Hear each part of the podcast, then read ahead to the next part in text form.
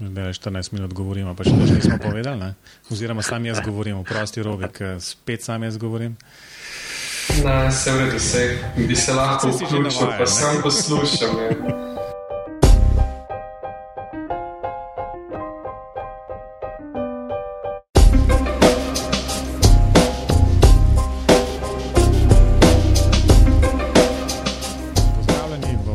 podcasta BIM Pogovori, v kateri se z gosti sproščeno pogovarjamo o informacijskem modeliranju zgradb in informacijsko-komunikacijskih tehnologijah v gradbeništvu. V oddaji bomo tokrat govorili o uporabi BIM-a v arhitekturi, različnih izvedbih, izvedbah BIM projektov, dotaknili pa se bomo tudi večnega vprašanja, kako se razumejo arhitekti in gradbeniki. Z vami sva Robert in Mateoš. Zdravo, Robi. Dober dan. No, torej, danes bomo v oddaji gostila prvega pravega arhitekta, to je Jrnej Gartner iz arhitekturnega biroja Košorok Gartner Arhitekti. Pozdravljen, Jrnej. Živijo. Kako si? V redu. V redu. Um, lahko pač izkoristimo prvih par minut, v bistvu, da poveš nekaj o sebi, oziroma predstaviš tudi biro za vse tiste, ki morda ne poznajo ne tebe, ne biroja, oziroma recimo enega takšnega arhitekturnega res biroja, pravega. Uh, lepo zdrav vsem. Uh, jaz prihajam iz biroja Košrok Gartner. Um, ukvarjamo se v glavnem z projektiranjem, uh, se pravi arhitekture, uh, in zadnje čase pa ne vem poskušamo najti priložnost tudi na drugih, eh, na malce drugačnih projektih, ehm, povezujemo se z. Eh, s, pač s podobno eh, z ljudmi, ki, ki se ukvarjajo z BIM-om, ki v tega nekaj vejo, in pač skupaj delamo neke projekte na tem področju. No, če jaz takoj skočim zraven v, v, v tole predstavitev, kot rečeno, prvi pravi arhitekt v tem podkastu. Uh, Povej, kako se dejansko razumejo arhitekti in gradbeniki? Ker, recimo, če povem ne, kot ozadje tega, gradbeniki, recimo, včasih malo mislimo, da, da arhitek, arhitekti nič ne vajo, um, da nas ne razumejo, da ne razumejo, da, da hiša sama ne more stati, ne, da mislim tako, da same stene nekako pomenijo nekaj, ne, da niso samo zato, da se slike gor obesijo. Um, tako da Povej, kako je zdaj s temi arhitekti in gradbeniki? Ja, um, jaz, uh, jaz moram reči, da mi s tem nikoli nismo imeli kakšnih pretiranih problemov z, z, recimo, z gradbeniki. Uh, vedno smo nekako uh, se zavedali tega, da je hiša mora stati. Uh, nismo imeli nekih ekstremnih nekih primerov. Um, uh, je, mislim pa tudi to, da v bistvu mogoče je to tudi posledica načina pro, projektiranja, ker ravno v tem mogoče bim uh, tudi odstopa, ker dejansko uh, koriščemo. Uh, v BIM-u projekt uh, mora biti projekt narejen tako, da bo, da bo uh, da funkcionira vse, da vse, uh, se pravi, ne, ne more biti nekih napak, moraš razmišljati, kako bo hiša stala, kako se bo zgradila, ker enostavno, če samo rišeš takoj, ko že v 3D objektu uh, postaviš, vidiš, da je, da, da nekaj, nekaj neštima, da so, nek, da so nekaj, neke napake. Um, tudi ta koordinacija zdaj med statikom, uh, gradbeniki in tako naprej je, je veliko bolj poglobljena, uh, tudi recimo za neke inštalacije, se pravi neki preboji, se pravi vseh, vseh teh stvareh se v, v tem načinu pro, projektiranja potreba zavedati. Uh, ker drugače ne gre. In tukaj se potem tudi mogoče ta razlika uh, manjša, in smo vsi bolj zadovoljni. No? Se pravi, to iz tvoje razlage zdaj sklepam, um, da bo na koncu, ko so vprašanja, bo odgovor na tisto ključno vprašanje spet še omenil prid. Ampak glede na to, da gledamo na, na, na cel proces projektiranja v BIM-u, uh, več kot očitno vi potem vključujete tudi vse strokovnjake drugih strok že od samega začetka, ne se motim. Uh, mi smo uh, v štartu, to je bilo 2009, ko smo začeli, uh, ko, ko smo ustanavljali biro in tudi se odločali za uh, pač, uh, softver, v katerem bomo projektirali in tako na ta način prišli potem tudi na BIM, uh, smo um, v bistvu v, v štartu smo, smo delali samo arhitekturo, ker pač smo si želeli tudi ostale stroke vključiti, ampak enostavno nismo našli nek, nekih ljudi, ki bi to znali. Um, potem, se pravi, prvi projekti na športna dvorana je bil kot prvi tak projekt večji, potem nek, nekih manjših, neki manjši projekti, ki so sledili, so bili narejeni še v, samo v arhitekturi. Um, tle smo pač poskušali neke popise ven dobivati, smo jih tudi dobivali, uh, površine, se pravi, take stvari, ki so, so nam zdele nekako uporabne, ki, smo jih potem naprej posredovali popisovalcu in uh, tako, da lahko nekako govorimo o enem takem uh, klubu samo nekem, neke vrste bimu. No. Uh, ampak potem uh, smo pa hmalo že, že našli statik, uh, strojnika, um, ki je v tak, v, potem recimo od 2011-2012 naprej eh, za nas zdelo strojne inštalacije v Revitu eh, in pa tudi statika. Eh, statika imamo zdaj celo dva poznamo, ki se s tem, ki na tak način projektirata, tako da pač smo na, od takrat naprej pa pol, pač tudi to vključujemo. No, elektroinštalacij pa žal še nimamo, to pa še iščemo in še nismo na, našli. Nekaj se dogovarjamo, ampak zaenkrat je to to. Recimo, da je Robi to zid lepo napeljal, da je to BIM, da je kot proces in tako naprej, si ga že potegnil na svojo stran, to ti zameram. Um, no, ampak resno, um, BIM, kot je jasno, da je nek proces, ne, začnemo z arhitekturo, saj običajno. A mi lahko pač naredili se nekaj projektov, a morda obstaja kakšen, recimo, tak primeri dobre prakse, kako se tega lotiti, kje je ta interakcija potem med arhitekti in gradbeniki, statiki in potem pač projektanti strojnih inštalacij, morda tudi elektra enkrat v, v prihodnosti. Um, a je kakšen, recimo, pravi način, kako se tega lotiti? Um, bolj kot v bistvu sam model, ne, pač me zanima, recimo, ena taka. Projektno vodenje tega, v bistvu, Zato, ker, kot recimo, recimo, govorimo študentom, je ena takšna uh, cilj, kamor recimo, želimo priti, je neko tako razprščena skupina ljudi, ki dela v neki virtualni organizaciji, jasno, vsak na svojem koncu, vsak v svojem časovnem pasu, vsak v svojem programu in tako naprej. Ali te stvari delujejo na ta način, ali je mnogo, mnogo bolje, v bistvu, da so te, te ljudje, ki delajo na nekem projektu skupaj, sedijo skupaj, delajo recimo ne v istih programih, jasno, ampak vsaj so v neki stalni komunikaciji. Jaz bi tako rekel, da zdaj odvisno za kakšen projekt gre, za neke večje projekte, kjer je veliko ljudi vključenih, je tudi verjetno težko pričakovati, da bojo to vsi v, v eni sobi sedeli in se med sabo pogovarjali. Um, jaz mislim, da je tudi ta uh, način projektiranja v bistvu omogoča zelo dobro to um, komunikacijo nadalj, nadaljavo. Um, že mi, recimo, pri nekih teh srednje velikih do manjših projektih, uh, v, že od samega štarta uporabljamo ta worksharing uh, v Revitu, to je super zadeva, ker lahko pač, uh, verjetno ima tudi Archicad podobno, podobno, podobne funkcionalnosti in tudi drugi programi, ampak to v bistvu to je tista prva večja prednost, ko greš vem, iz nekega AutoCAD-a, kjer v bistvu vem, na istem modelu delamo. Um, ali, ali delamo v domu, ali delamo v pisarni, ali dela vem, strojnik iz, eh, iz, eh, v našem primeru iz celja, uh, statik iz spet svoje pisarne v Ljubljani. Tako da pač in to nekako. To funkcionira, to zelo dobro funkcionira, in, in pač sigurno se dobimo tudi vsake toliko uživo, pa uživo predelamo stvari, ampak načeloma uh, na tak način funkcioniramo. No? In se mi tudi zdi to, da je to neka prihodnost in v tujini se mi zdi, da na tak način uh, delajo.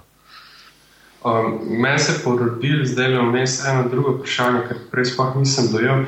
Uh, ko si omenil, da ste nekaj časa iskali strojnika, da, da vam je pripravljal potem modele v Revitu, uh, Zakaj točno pa zgoraj v Revitu, ker v bistvu BIM oziroma cela Open BIM inicijativa gre dejansko v to smer, da urodje ne bi bilo pomembno. Zdaj, um, ni, se pravi, ni nujno, da je de, mi smo takrat iskali karkoli, v bistvu.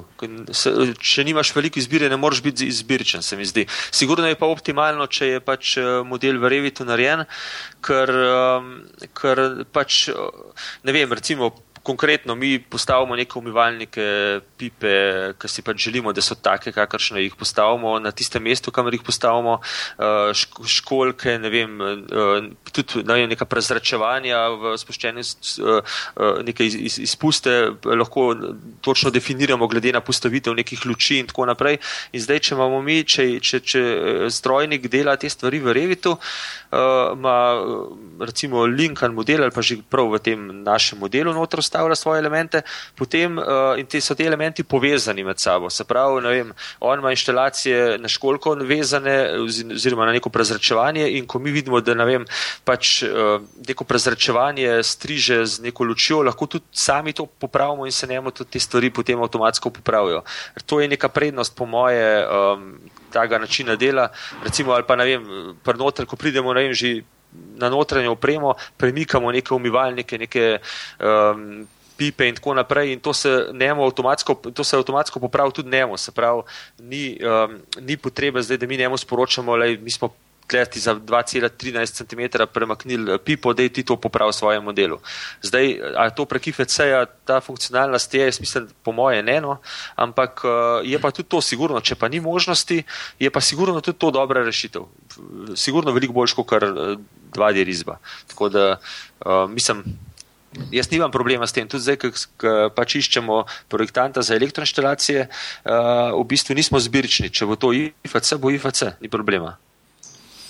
No, vse to je, to je recimo bil moj um, nasledn vprašanje, ko si, ko si pač rekel o, o tem delu in delu nadaljavo um, in uporabi pač te funkcionalnosti revita za deljenje tega modela. To na vsak način jaz verjamem, da v veliki meri poenostavi um, to sodelovanje nadaljavo. Um, takoj, ko je jasno, treba zadevo izvažati v neki IFC, pa ta IFC uvažati v, v nek um, ne vem, BIM server, recimo, ali kaj podobnega, pa potem spet to uvažati v nek drug program, se znajo stvari jasno zakomplicirati in v bistvu unesti cel kup nekih napak, ki jih recimo zelo težko odkriješ. Tako je. Ja, zato, zato tudi recimo tisto, tisto klasično vprašanje pri, pri tistih zadnjih hitrih vprašanjih glede tega OpenBeama. Um, a se splača to, to matrati, ampak recimo, da, da loži v ganem, kaj boš rekel, ne? ampak to pustimo za na konec. Um, jaz bi še tu na malo skočil. Um, jaz se sicer strinjam ne, s tem, kar je Jarni zdaj pojasnil. Uh, vidim tudi ene prednosti, ampak imam pa tudi ene pomisleke, recimo predvsem Vse, ko si omenil, da tudi vi lahko sami, kakšne se vi predstavljate, in tako naprej. Ampak na koncu se pa pod strojne inštalacije podpiše projektant. Ne? In tukaj zdaj pademo takoj na področje odgovornosti. Um, zdaj, da malo pojasnimo zadnje, zdaj govorim pač pod vplivom uh, enega predavanja, ki sem ga pred kratkim slišal v enem res ogromnem projektu. Ne?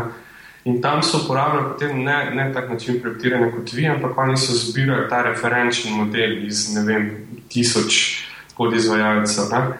In jaz zelo dvomim, da bi kdorkoli izmed teh tisočih dovolil, da bi mu nekdo drug uh, predstavil neke cevi, brez da bi on to vedel. Ne, dobro, vse na koncu je obveščeno, ampak uh, vse en jaz mislim, da bi to želeli sami narediti. Ne?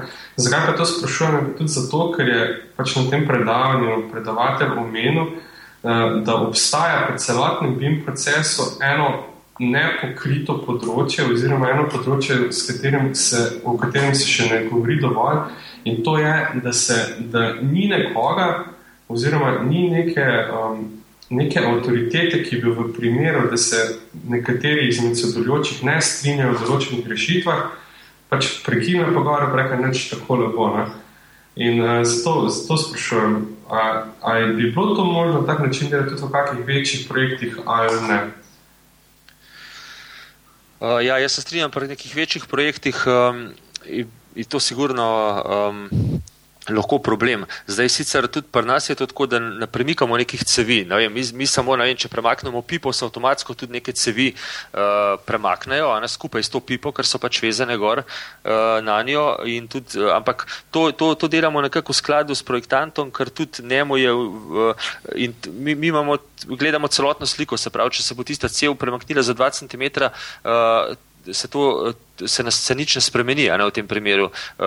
Če, če pa pride do kakšnih večjih, večjih pomislekov ali pa težav, kjer vidimo, da so tudi neka križanja potem lahko vključena zraven in tako naprej, to pa, to pa niti ne znamo sami delati, niti nam ni v interesu, da bi to delali. Zdaj, pri nekih večjih projektih je pa sigurno, mora biti nekdo, ki ki bdi nad tem in uh, morajo biti neka pravila postavljena, kaj kdo sme, kaj kdo ne sme. To je pa, to je pa normalno. Mislim, se mi zdi normalno. Ja. Uh, če bi pri nekem, ne vem. Letališču vsak arhitekt lahko predstavljal školke gor pa dol, bi, bi, bi na koncu lahko velik problem iz tega nastal.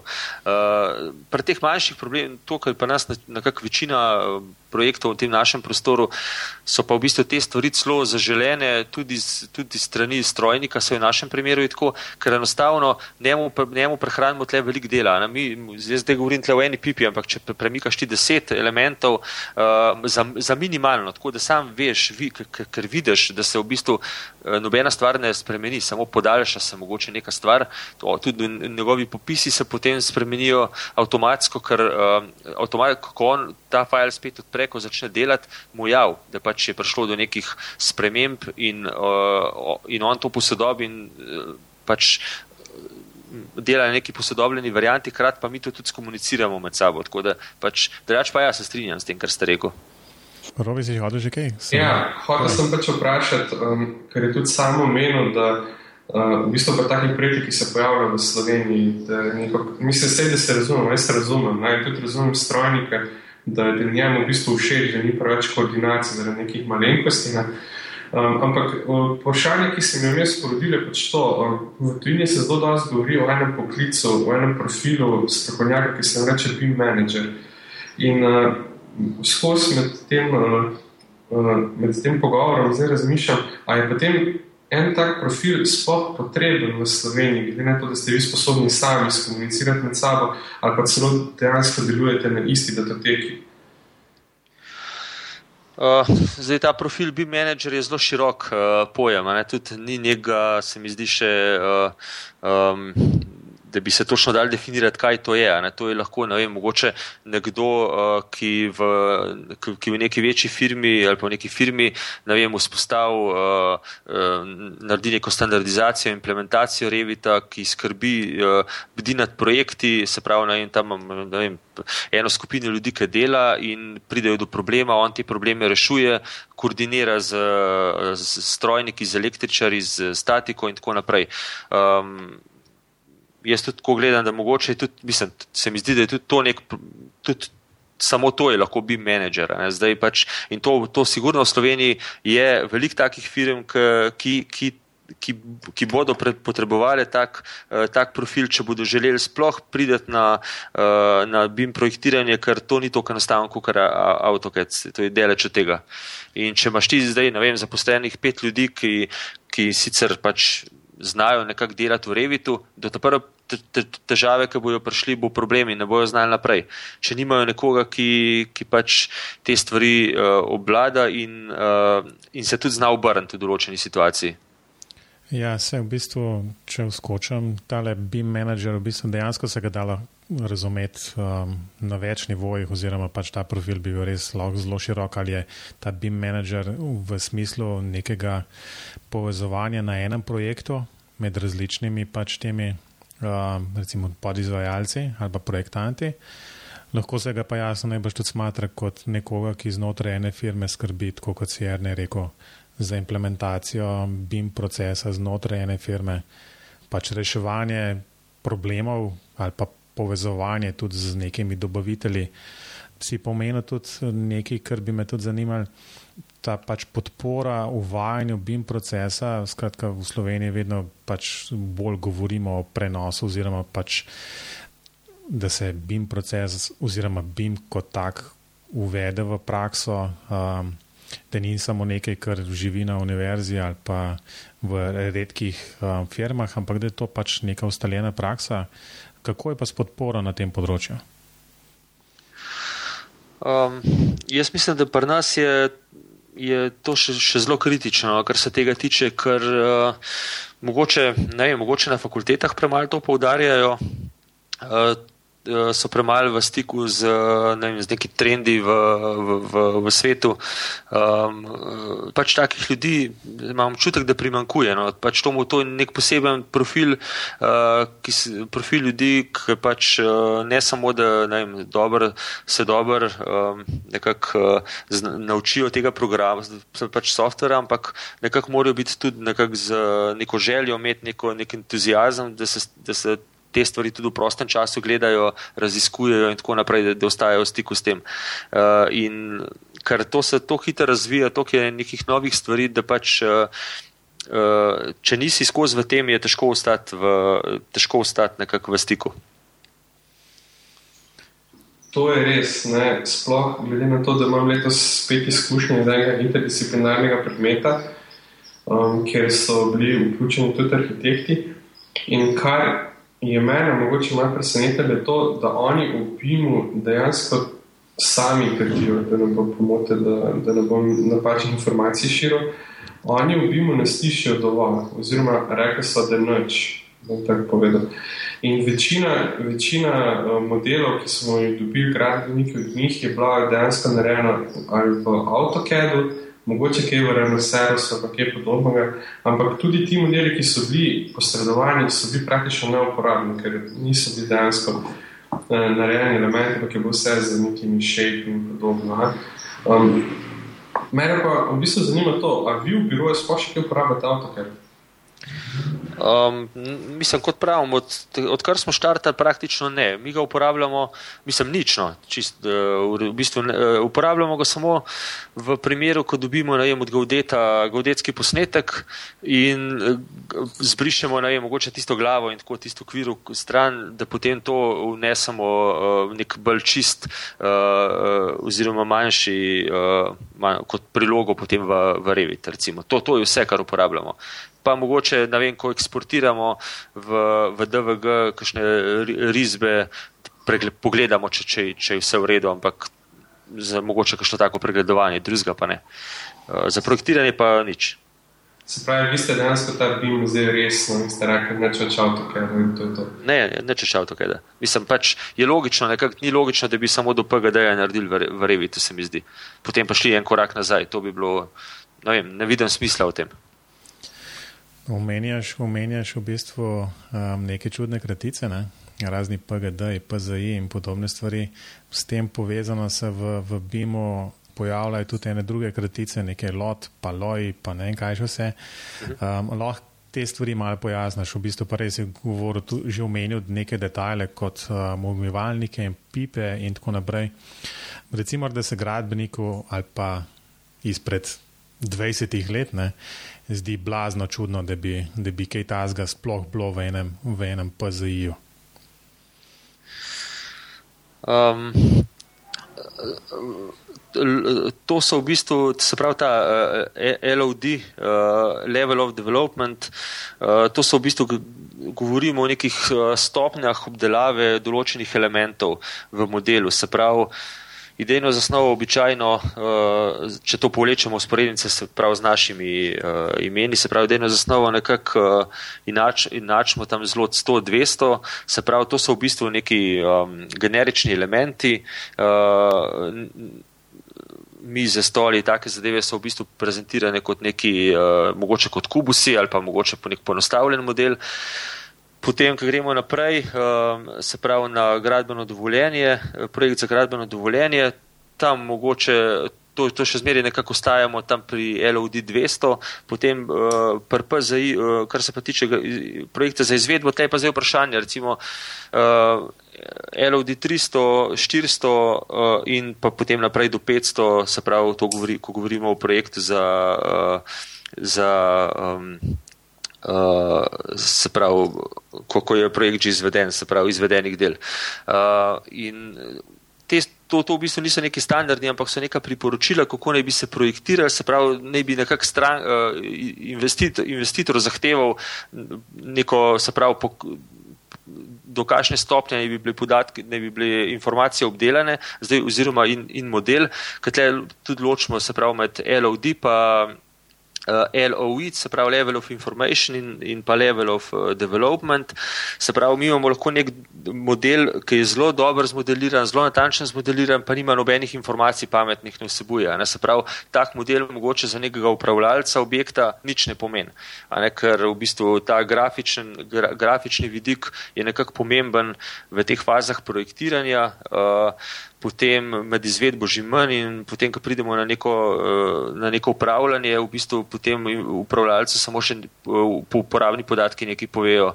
Eh, se pravi, to je ta level information se načeloma nekako veča s tem, ko projekt nekako izdelujemo in se pravi, to je zelo tako prepleten med sabo, ni nujno povezan, kar široka tema. No. Vsekakor, ampak um, glede na to, da se ta level of information veča, potem pač z enim življenjskim ciklom stavbe, modela in tako naprej.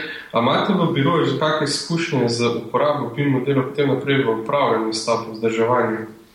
Uh, tak projekt zdaj delamo, uh, se pravi, to je nek medicinski center, bomo, uh, bomo v bistvu pripeljali eno stopno naprej do, do Eh, se pravi, da, da bo tudi nekako uh, lahko investitor um, ta model uporabljal uh, za upravljanje z objektom. Uh, testirali bomo par variantov na tem delu, ampak ja, to je prvi projekt, ki, ga, ki ga bomo v bistvu probali tako narediti, da, bomo, da bo cel življenjski cikl nekako vključeval, se pravi od uh, idejne zasnove uh, PZI-ja, potem uh, se pravi, projekte izvedenih del in pa tudi pote, uh, nad, nadgrajujemo trenutno z informacijami za, za upravljanje.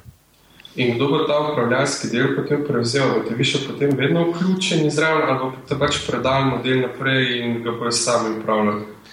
V tem primeru se dogovarjamo, da bi bili mi uh, vključeni še naprej, ampak bolj iz tega razlo razloga, ker nas zanima, kako bo to dejansko funkcioniralo in da, da, da dobimo neke poratne informacije, ne sploh kaj, a smo v redu naredili ali se da ki karkoli izboljšati.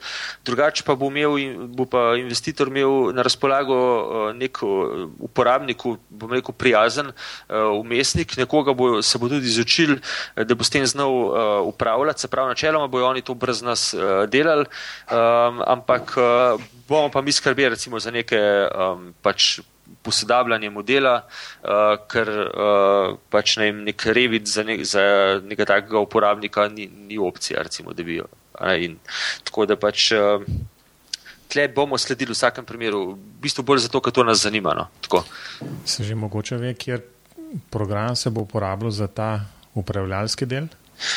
Pogovarjamo se z dvema podjetjama, ena je Ecodomus, ena je pa Ubim. Mhm.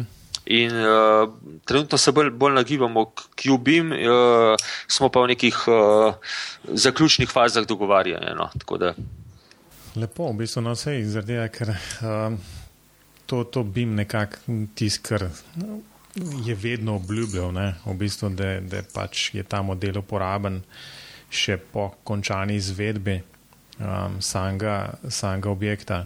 In da pač vemo, da tistih 80-70% dejansko stroškov nastane v času uporabe objekta, je zelo zanimivo, ne, kako bi potem ta model lahko uporabljali za, za, za upravljanje samo in za v bistvu bodoče prenove in v bistvu energetske um, neke vidike, avtomatizacijo in tako naprej. Ja, no, tudi ta del bomo uh, poskušali tle vključiti zraven, se pravi ta bus building autom automation system.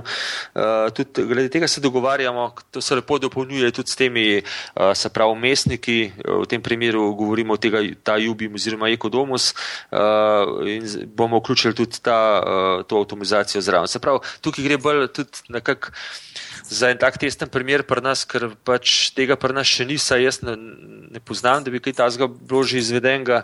Je pa škoda, no, ker tako, kot ste rekla, um, 80% stroškov vzi, uh, pride v tem uh, delu upravljanja, uh, se pravi 80% tega življenjskega cikla in je, je škoda, da se, to, da se bi model po, po tem, ko, ko je predan, uh, se pravi lastniku uh, zapakira in uh, se ne, odpi, ne odpre več. Če lahko sam še prej narobi ti pustim do besede. Ne? Eno vprašanje, ki, ki, ki v bistvu me vedno zanima in pač študente tudi vedno nekako sprašujem. Um, recimo, življenjska doba enega tazga objekta je recimo vem, 50-100 let. Ne? Um, ne projektiramo za manj časa, ne, ne, ne razmišljamo o tem, da bomo čez 20 let to, 20 let to stavbo podarili in naredili novo. Kaj misliš o, o v bistvu dolgotrajnem hranjenju tega modela? Se pravi, to je 50 let. Ampak takrat revid, to sploh obstaja. Ali imate plan, kako boste se tega lotili? Um, to najbrž že sama poznata, to je, to je pač, uh, večno, ve, že, pač večno vprašanje. Že, že pri, pri avtokedu so se najbrž to sprašvali uh, in je obstal. Jaz mislim, da, bojo, da, da to ne bi smel biti tak problem. No. Uh, v končni fazi. Uh, IFC naj bi to nekako obljubljal, neko to možnost uh, in tudi te večji, ne vem, zdaj mogoče tle ta tudi zbira, ne vem, recimo nek avtodesk, uh, bo še nekaj časa najbrž na, na tržišču in oni bojo verjetno poskrbeli za to, ve pa to pravzaprav nihče. In to je neko tako vprašanje, ki je mogoče Eh, problem, ampak do zdaj se to še ni izkazalo, nekako to, nekak to gre. Je pa to, ne vem, če ima to, na to kdo odgovor trenutno. Jaz mislim, da je ta IFC še najbolj neka taka varijanta, ki bo. Ki, uh, ki nekako kaže na, na neko pravo smer uh, razvoja. Se mislim, da je Matej prav z IFC-em v, v mislih vprašal. Ne, jaz sem, jaz sem vprašal zaradi tega, ker v bistvu jaz se razumem ta argument oziroma pač najbrž, najbrž bom jaz tudi rekel, ja, Autodesk, pa ne vem, Nemček in te stvari bodo obstajale še čez 50 let, ne, ali pa bo poskrbljeno za prehod na nekaj tretjega. Ne. Tako je. Um, To, kar mene dejansko zanima, ne, mislim, to, kar se, se jaz tudi ukvarjam, recimo s tem, kar sproduciram in skozi teh, s, te, s temi podcasti, v bistvu kar velik um, enih, enega materijala. Um, pa dobro, v bistvu ta, recimo, nek BIM model bo imel na koncu, ne vem, en giga, recimo, da bomo lažje govorili. Ne? Mhm. Kako to hraniti? To ne moreš kar zapeč na CD ali pa na DVD ali pa v bistvu ne vem, nekam dati, pa reči pozabiti. Zaradi tega, ker recimo, to vprašanje, če se bo ta model uporabljal tako pogosto, ne, da si vmes. Te fizični hrambi ne bi kaj zgodili. To, to meni tudi nekako malo daje. Ne? Ja, to, to je v bistvu problem na splošno teh digitalnih informacij, ampak eh, zdaj, če, če, govorim, mislim, zdaj, pač, če govorimo o tem nekem življenjskem ciklu objekta in upravljanju, um, je mogoče pač Pa ne vem, recimo, da, da hipotetično govorimo o neki filmi, ki bi dejansko uporabljala zdaj, ne vem, ta BIM model, ne glede na to, kjer ga, v kakšnem formatu, uh, skozi ta življenjski cikl. Vem, sku, na objektu se vedno nekaj dogaja, ne vem, vedno se, neke, uh, nekaj, se, ne, se nekaj pokvar, nekaj zamenja, nekaj, uh, nekaj se spremeni. In če se to sproti, kar je nekako tudi želja in nekako. Uh, neka željena pot, da, da se te stvari popravijo tako v tem vem, v, uh, facility management sistemih, kot tudi potem prenesejo, se pravi, boje stransko na, nazaj na BIM model. V tem primeru je ta BIM model vedno, uh, vedno aktualno staja. Ne, se pravi, ne vem. Vse to se morajo firme odločiti, ali imajo, one, one same nekoga, ki to potem uh, Eh, popravili ali pa imajo neko pogodbo z nekim projektantom, ki to pač, pač za njih poprav, uh, posodablja. Ampak, enkrat, če se enkrat to zanemar, potem je verjetno po parih letih uh, konc s tem. Uh, Mislim, je zelo težko potem spet nazaj prideti, uh, toliko enih informacij, toliko enih sprememb za nazaj popraviti. In potem prej slej, verjetno se zapade v nek, kot ste rekli, Eh, govorite, da pač model uh, ostane samo nekje zapakiran in se ga ne odpira več. Potem pa zna biti problem, sigurno, če to deset let nekje stoji, vprašanje, če se bo še dal odpreti. No, ampak recimo tako trenutno stvari poteka, kot daš dejansko PGD, to je na papirju, pa recimo, če ravno bo kakšna požara ali poplave, je papir je dokaj trajen, ampak iz tega vidika so vsi digitalni formati ranljivi, tako da se strinjam. Ja, ja, ja. Um, zdaj, te oblačne storitve, recimo, da jim zaupamo, da znajo delati z našimi podatki, pa so mogoče formati malo bolj trajni. Kar je tu morda problem, je, da, da trenutno načrt postaviš na polico in ti razen prostora, koliko prostora za zame drugih stroškov ni, ampak hranjenje podatkov bo pa dejansko postala komercialna storitev in to je dejansko en nov strošek tudi za investitorje. Ne? Ja, sigurno. No, to, to hočem reči, da se zelo veliko pogovarja o tem, kako bi pač se neki BIM pa digitalno oddajali in gor in dol. Ne? Nisem pa zasledil jasne, neke jasne debate ali pa v bistvu nekega um, odgovora na to, kako to trajno hraniti, ker vemo, v bistvu, da pač ti digitalni repozitoriji imajo, so certificirani, um, delajo po nekem standardu, zagotavljajo trajno hrambo in tako naprej. Ne? Tako da očitno, mislim, bo pač bo treba tudi na, in na nivoju vem, arhitekturnih brojev, projektantov in tako naprej začeti mogoče včasih razmišljati tudi v, v čem takem. Ne? Tako je. Um, eno vprašanje imam še, malo bi se nazaj vrnil, ko smo govorili o BIM projektih. Um, mene predvsem zanima to pri, pri delu s strankami, recimo, ko pride nekdo v vaš biro, pa želi en tak projekt neke eno družinske hiše. A je njemu pomembno, v čem je narejen, ali morda so že investitorji tako poučeni, da sami želijo biti model, ali pa jim pač vseeno in, in je edini kriterij cena. Uh, tako bi rekel, recimo, da se jih polovica to zaveda in, in jim je to v bistvu všeč, ko jim to predstavimo, na kakšen način bomo delali projekt. Uh, polovici pa še zmeraj cena, pač tista glavna, glavna stvar. Pač, sicer na koncu vse prepriča, to, ko predstavljamo projekt, ko se sprehajamo po projektu, ko ne vem, uh, neke hitre vizualizacije lahko naredimo in tako naprej. To je vsem zelo všeč in, in, uh, in naredi dobro tisto na stranke, pa tudi nam pomaga v bistvu. Ampak uh, ne vem, cena je kon, v končni fazi še vedno, uh, se mi zdi, pri nas tista ključna. No? Ampak glede na to, da, da itak cel projekt izvajate že znotraj Revita, um, dejansko prva neke razlike v ceni sploh ne more biti, ali bi kdo želel imeti bima, pa ne, glede na to, da je isti proces. Ali se vse bolj, bolj potrudite z, z nivojem detajlov ali kako?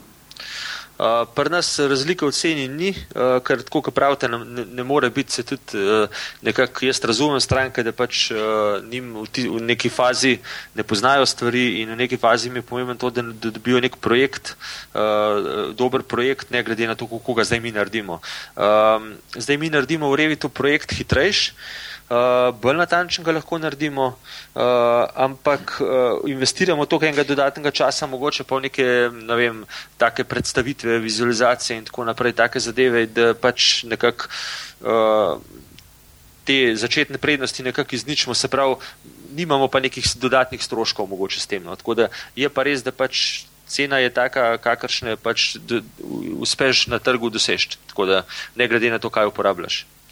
No, glede na uh, najne pogovore s prejšnjimi gosti, bi sam pozdravil to, da, da ste dejansko sprejeli cel PIN proces uh, brez nekih dodatnih stroškov, zato ker se mi zdi, da, da je na trgu še vedno kar nekaj birojev, ki bi projektirani v BIM dodatno za račun. Tako da, kar se tega tiče, samo pohvalim. Ja, ja uh, mislim, cel koncept Bima se mi zdi tako, da pač je nekako. Ne, ne, ne bi smeli zaradi tega, ne bi smeli zaradi tega neki dodatni stroški pa doda, eh, če, nastajati, ker se mi zdi, da, da je ravno neka hit, hitrost in natančnost nekako je tista prednost in tle dejansko je veliko prednosti, se že če pogledamo čisto osnovne, ne vem, neke um, uh, prednosti Bima proti uh, risanju v 2D, eh, ki se sami eh, prerezi poprav, sami nekako eh, generirajo in tako naprej, tle, tle je velik prihranek časa, se pravi, neko, že, že tle se da, če bi rekel, da bi točno to, kar, kar, si pre, kar smo prej naredili v AutoCAD-u, naredili z BIM-om, z Revitom recimo v našem primeru, že tle prehranimo veliko časa in načeloma bi lahko rekli, da, eno, da bi projekt mogel biti so cenejši, mislim pač, uh, oziroma več, bi lahko več zaslužili, ampak uh, dejansko tle potegne pa za sabo neke druge stvari, no, mogoče in naredimo lahko boljši projekt, se bolj potrudimo, več časa si mogoče vzamemo za idejno zasnovo uh, in naredimo mogoče več prerezov, več detajlov, uh, ki v bistvu potem gradben, gradbincem omogočajo, da lažje izvedejo neke stvari uh, in je pač to tiš čas, ki ga dodatno investiramo in na koncu, na koncu smo nekako na istem. V bistvu, kot rečeno, Robi, Robi je to dobro povedal, zelo pohvalno. Uh, mogoče je, je dejansko, ko, ko si pač to povedal na ta način, v bistvu se dejansko vprašaš, zakaj, zakaj bi nekdo več računal za nekaj, kar bo tako in tako hitreje skoraj narejen in boljš. Tako. Skratka, če je čas denar, um, v bistvu bi mogel biti skoraj cenej, ampak se strinjam, že, že tako so cene, recimo, že um, ne bo že težko preživeti ne, na trgu. Bi pa v bistvu mogoče s tem povezal, pa pol počasi zaključimo tole, tale razgovor in gremo naprej. Koliko časa je, recimo, ko ste, ko ste končala v bistvu, oziroma ste se odločila, zdaj bomo pa naredili biro? Koliko časa je trajalo, da ste v bistvu dejansko prišli do enega nivoja uporabe Revita oziroma Bima, kjer kjer sta tako z gotovostjo rekla, da ja, tole pa zdaj ni več problem, avtokeda ne rabimo, um, delamo sam še v Revitu. Um, v bistvu mi smo tako nekako štartali, da smo pač kar štartali v, v Revitu projekt in smo ga pač naredili do konca, ostale projekte smo pa še pač dokončali v, v AutoCAD-u, tisto, kar je bilo sprotjo. Uh, drugače pa um, štartali smo tako, da sem, jaz, jaz sem se pač malo pozanimal na začetek, uh, kjer program bi izbrali uh, in ko smo se odločili za Revit, uh, uh, sem se najprej jaz nekaj časa malo iz, mislim, izobraževal, uh, nekaj knjig prebral, tutoriali na internetu, potem sem šel sodelavca uh, vključil, uh, sem jim pač dajal neke uh, tutoriale in tako. Uh, šli smo tudi na tečaj uh, Revita. Uh, k CGS-u, in, uh, in tukaj smo potem štartali s, s projektom, tako da nekako je težko na no, tisti prvi štart, zaradi tega, ker je to čist nekaj drugega kot avtoket in ko pride do nekih težav, se lahko ne veš, kaj bi naredil. No. Tako da tle, uh, tle pol uh, neka internetna podpora, ne vem, uh, veliko, uh, mislim, omogoča to, da v bistvu sploh lahko začneš. Se pravi, ti neki forumi, um, uh, tutoriali po internetu in tako naprej. Ja, mogoče, mogoče pač ste imeli tudi najbrž zelo videonega naročnika, ne, ki je znal včasih malo potrpeti, če ni bilo čist, kaj je narejen. Ne. Vsaj od začetka. Ja, žal ne. Je bilo no, pa fajn. Ja. No, tukaj, tukaj smo rekli, da je bil zelo, zelo priden ne, ta ja. naročnik. Ja. Ok, grobi, kaj praviš, gremo naprej. Mislim, vprašanj, vprašanj imam še cel kup. Spoh, um, sem zelo vesel, da imamo na tem podkastu enega gosta, ki dejansko dela res v praksi in dela z njim vsak dan. Ampak dejmo, gremo naprej, da ne bomo čist predolgi. No, v bistvu, sam za zaključek bi tle dejansko rekel, ne, da, da če, če, če, če je treba sprejeti neko tako drastično odločitev, v bistvu, ne vem, jeti na bim ali ne, ne, potem je najbrž edina najbrž varianta ta, da rečeš, um, ja, nabim, ampak 100%. Um, ni več poti nazaj. Um, ker ti nekaj na pol delati, pa v bistvu, ja, pa se mi pa ubimo malo zatakne, grem pa hitro nazaj v DVG izvozem, pa to naredim v avtokedo. Tako je takšno razmišljanje najbrž ne pripele prav deleč. Ne. Ja, jaz, jaz mislim, da ne, ampak vem, vem pa ne. No, ker, kot pravim, mi smo pač nekako ustrajali, tudi ko so bili problemi, in um, se potem splača. No. Uh, je zdaj čist nekaj drugega. Smo zelo, uh, uh, zelo vsi navdušeni in zadovoljni s tem, kar, uh, kar počnemo in kako počnemo. No, v bistvu, recimo, da pustimo odprta vprašanja še za kdaj drugič. Um, Jer ne vedno boš dobrodošel gost v, v telih podcastih. Um, gremo, gremo na novice in priporočila. Jer ne, že prej si omenil en, enih par stvari zdaj nam. Um, vidim, da si nekaj pripravil tudi v tej smeri. Uh, to je v bistvu spletna stran uh, Dynamo BIM. Uh, V bistvu gre za spletno stran, kjer uh, lahko uporabniki uh, v bistvu najdejo veliko informacij, kar se tiče Dynama in tudi zelo veliko uporabnih uh, tutorialov.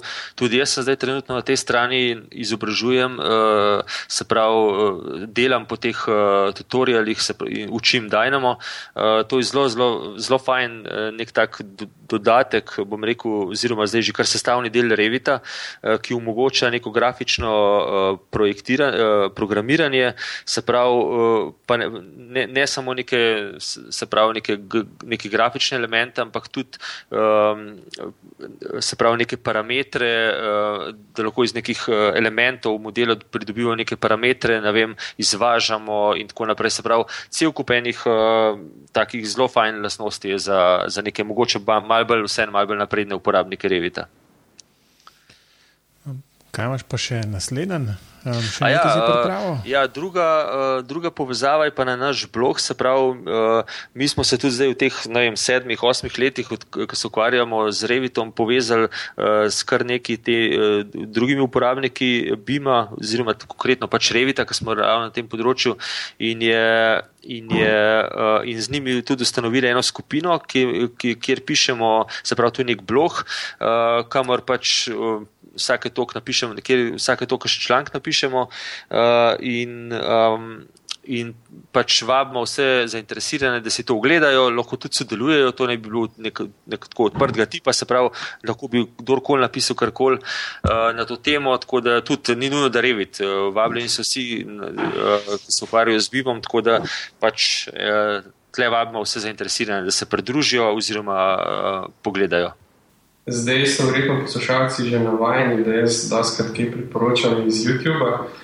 Um, kar mi je od zadnje epizode do zdaj um, malo ostalo v spominu in se mi je zdelo vredno deliti, je en video z naslovom One Hour in the Life of a, of a Beam Server Plugin Developer.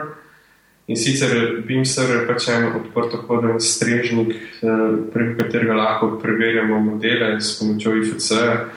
Eh, no, in to je pa video, ki dejansko traja nekaj več kot eno uro, kjer developer oziroma razvijalec uh, predstavlja razvoj in potem um, implementacijo enega takega plugina. Čeprav moram priznati, da ga ni implementiral čisto do konca, upam, da, to, da nisem zdaj pokvaril že kakomu, ki bo šel to gledati. Je pa zelo zanimivo. No? Jaz sem v gledu tega videa spet podoživel vse travme programiranja v javi. Um, in um, ne vem, če koga zanima, nisi ogledal, meni je bil zelo zanimiv.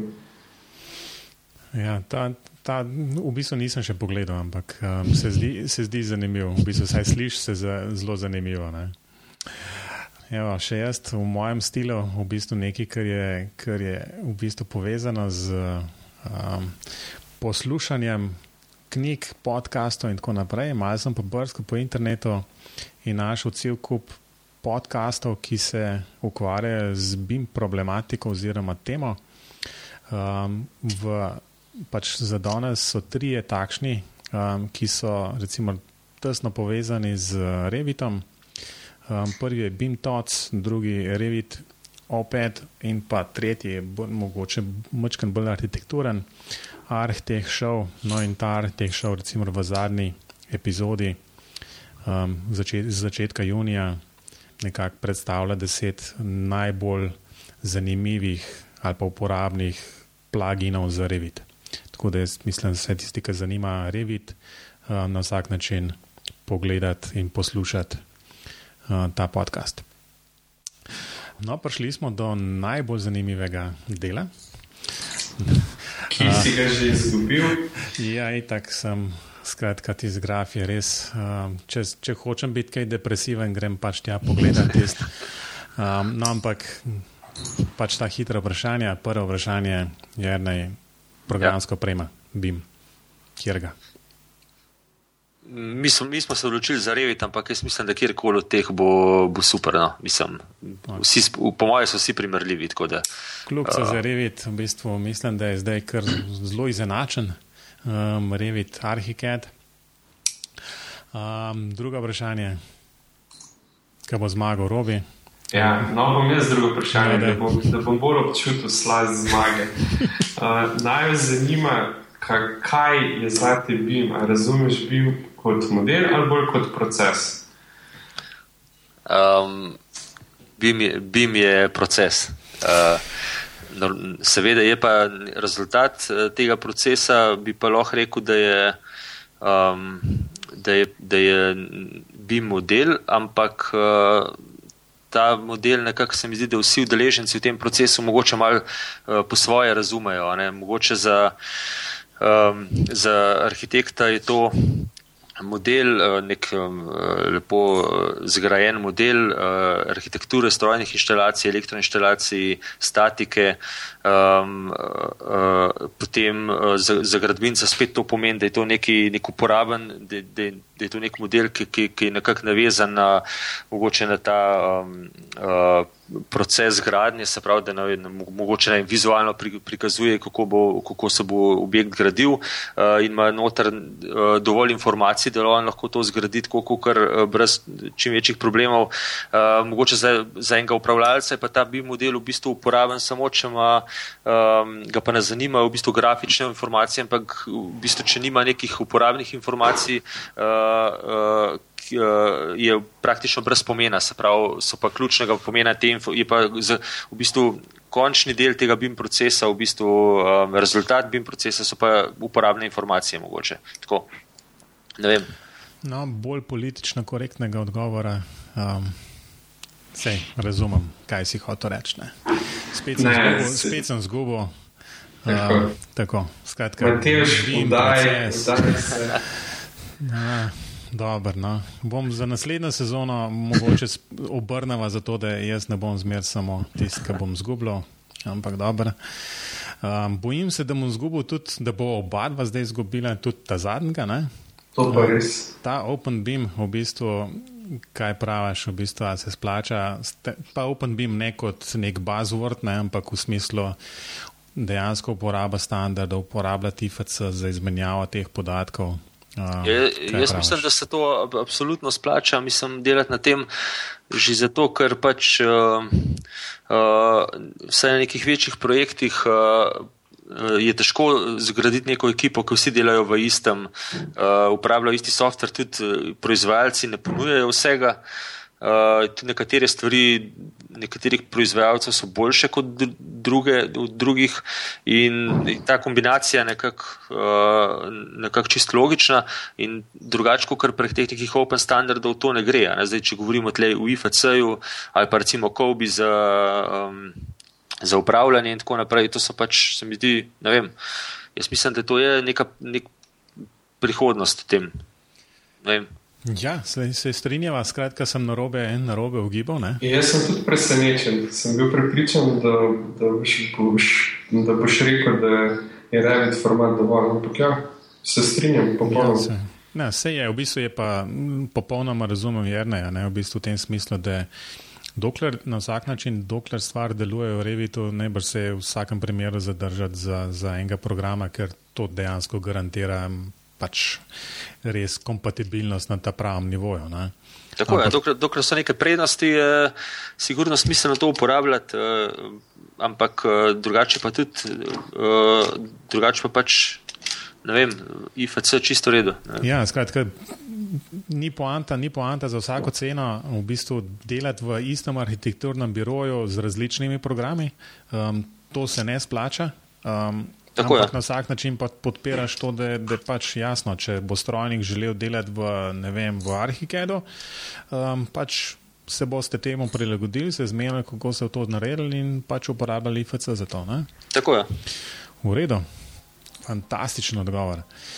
Torej, um, kaj smo proti koncu oddaje? Mislim, da bomo ravno ujeli tole eno urco.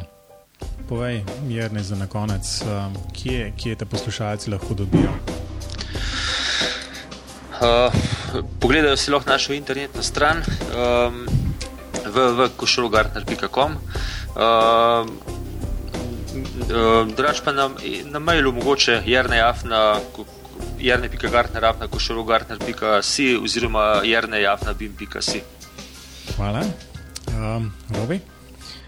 Um, mene lahko poslušalci najdejo na robert.klic.net ali pa seveda na na bimpogovori.si, moj Twitter račun je pa na Robert Linz. In ti, Matejš? Jaz pa v bistvu pač pošiljam poslušalce kar na spletno stran matejždolenc.com, tam bo izvedel vse. Bim pogovori kot takšni um, so tudi na spletu, Facebooku, Twitterju, um, posod bim pogovori oziroma na webu um, bimpogovori.si, tam najdete tudi um, informacije, kako se na podcast naročite, tako da poslušalcem, ki to poslušajo prek spletne strani um, ali so prenesli um, MP3 na, na računalnik, prosim, naročite se, uh, pomaga, če ne drugega, sem jaz boljše volje, ko gledam, koliko naročnikov je na ta podcast. Um, na vsak način pomaga tudi, če date kakšno pohvalo ali pa graj ali predlog. Um, moram reči, da sem pred časom zdaj dobil prvi e-mail um, spletne strani. No, sva dobila. Sva dobila, se upravičujem, ja, sva dobila. Um, no, in res pohvalno, v bistvu vsak, vsake tako komunikacije oziroma pač neka, neka mnenja nama omogoča, da naredimo ta podcast boljši in predvsem bolj pisan na kožo poslušalcem. Torej, mislim, da je lahko zaključimo, Jrnej, res najlepša hvala za, za to, da si se oglasil. Hvala vam. Um, upam, za povabilo. Upam, da bomo kaj ta zgalo še enkrat ponovili ali pa večkrat, um, ko bo prilika za to. Zmeden. Torej, um, lepo zdrav, jasno tudi poslušalcem in se kmalo spet slišimo. Ne slišanje. Ja. Dio.